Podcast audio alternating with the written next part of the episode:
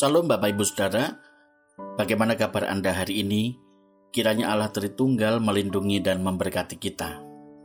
Hari ini saya merenungkan firman Tuhan dari kitab Roma pasal 12, khususnya ayat 15, demikian bunyinya. Bersukacitalah dengan orang yang bersukacita dan menangislah dengan orang yang menangis. Mengembangkan kepedulian sosial, sebagai ibadah kepada Allah. Roma pasal 1 hingga pasal 11, Rasul Paulus menyampaikan pengajaran yang bersifat doktrinal, konseptual dan teologis yang kokoh.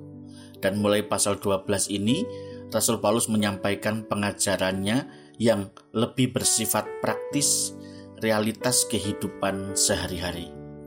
Pertama-tama, ia membahas kehidupan bersama dengan saudara seiman sebagai keluarga Allah, dimulai dengan saling memberi hormat antar sesama saudara yang tidak membeda-bedakan status sosial, juga mengembangkan kepedulian sosial yang didasarkan pada respon terhadap ibadah kepada Allah sebagai persembahan yang hidup. Maksudnya, pemahaman teologis yang benar dan konsep doktrin yang kokoh harus diwujudkan di dalam praktek hidup sehari-hari. Pada permulaan pengajaran praktis ini, saya tertarik dengan pernyataan Rasul Paulus khususnya ayat 15a. Bersukacitalah dengan orang yang bersukacita. Untuk hidup saling menghargai, tenggang rasa, tolong menolong memberi bantuan, menanggung beban bersama dan berbagai nilai-nilai luhur yang lain, pengajaran baik itu sudah kita peroleh sejak dari didikan keluarga kita sebagai masyarakat yang berbudaya ketimuran. Tetapi ketika membaca kalimat bersukacitalah dengan orang yang bersukacita menjadi terdengar sangat istimewa karena Paulus menyamakan hal itu dengan kalimat menangislah dengan orang yang menangis. Mengapa saya katakan istimewa, saudara? Begini, kita dibesarkan di tengah keluarga dan masyarakat yang kompetitif. Sejak masuk sekolah dasar, kita sudah diajarkan untuk bersaing, membuktikan sebuah prestasi. Orang lain akan memberikan apresiasi jika nilai raport kita lebih tinggi dari yang lain. Dan nama kita diumumkan sebagai juara kelas atau juara sekolah. Nah, setelah lulus dari jenjang pendidikan tinggi, kita masuk di dunia kerja.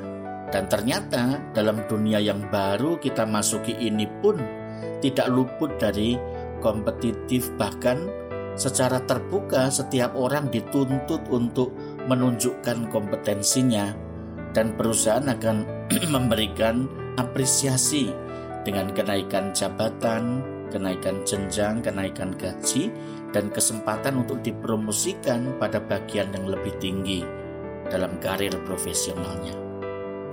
Sampai di sini, saya masih menemukan nilai positif dari sebuah kompetisi tersebut. Hal itu masih sangat wajar. Namun, ketika nilai kompetitif itu hanya untuk mencapai satu tujuan, yaitu menjadi yang the best di antara yang lain, maka hasilnya akan terjadi banyak orang berjatuhan. Persaingan menjadi tidak sehat, menggunakan segala cara untuk menjatuhkan orang lain, tidak lagi fokus pada prestasi dengan menghargai proses dan cara mencapainya, tapi yang penting saya mencapai apa yang saya inginkan. Kompetisi menjadi sangat tidak elok dipandang oleh karena keegoisan, ketamakan, hanya untuk sebuah pengakuan diri bahwa ia lebih unggul dari orang lain. Untuk situasi seperti ini, rasanya nasihat firman Tuhan yang disampaikan oleh Rasul Paulus menjadi sangat relevan, sebab hanya sedikit sekali orang yang bisa menghayati dan menikmati makna bersukacita di tengah orang yang bersukacita. Pada umumnya, orang bersukacita di atas penderitaan orang lain. Dia tidak peduli dia hanya bersuka cita atas dirinya sendiri. Saudaraku, saya juga terus belajar dalam hal ini, mengolah rasa supaya hati saya tetap bisa bersuka cita dengan tulus ketika melihat orang lain lebih berhasil, lebih sukses, dipuji karena prestasinya. Mengapa saudara? Kecenderungan kita akan lebih mudah berempati dengan orang yang berduka cita ketimbang ikut merasakan bersuka cita dengan orang yang sedang bersuka cita.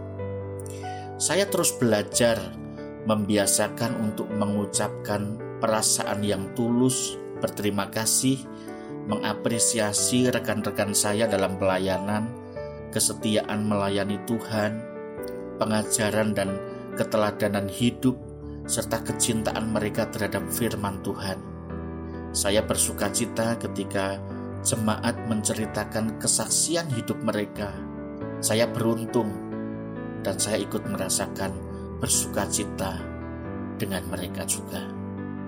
Bapak Ibu Saudara, ketika Anda melihat orang lain lebih berhasil, lebih sukses dalam karir, dan mereka sangat bersuka untuk pencapaian tersebut, bagaimana perasaan dan suasana hati saudara. Selamat berefleksi, Tuhan memberkati. Amin.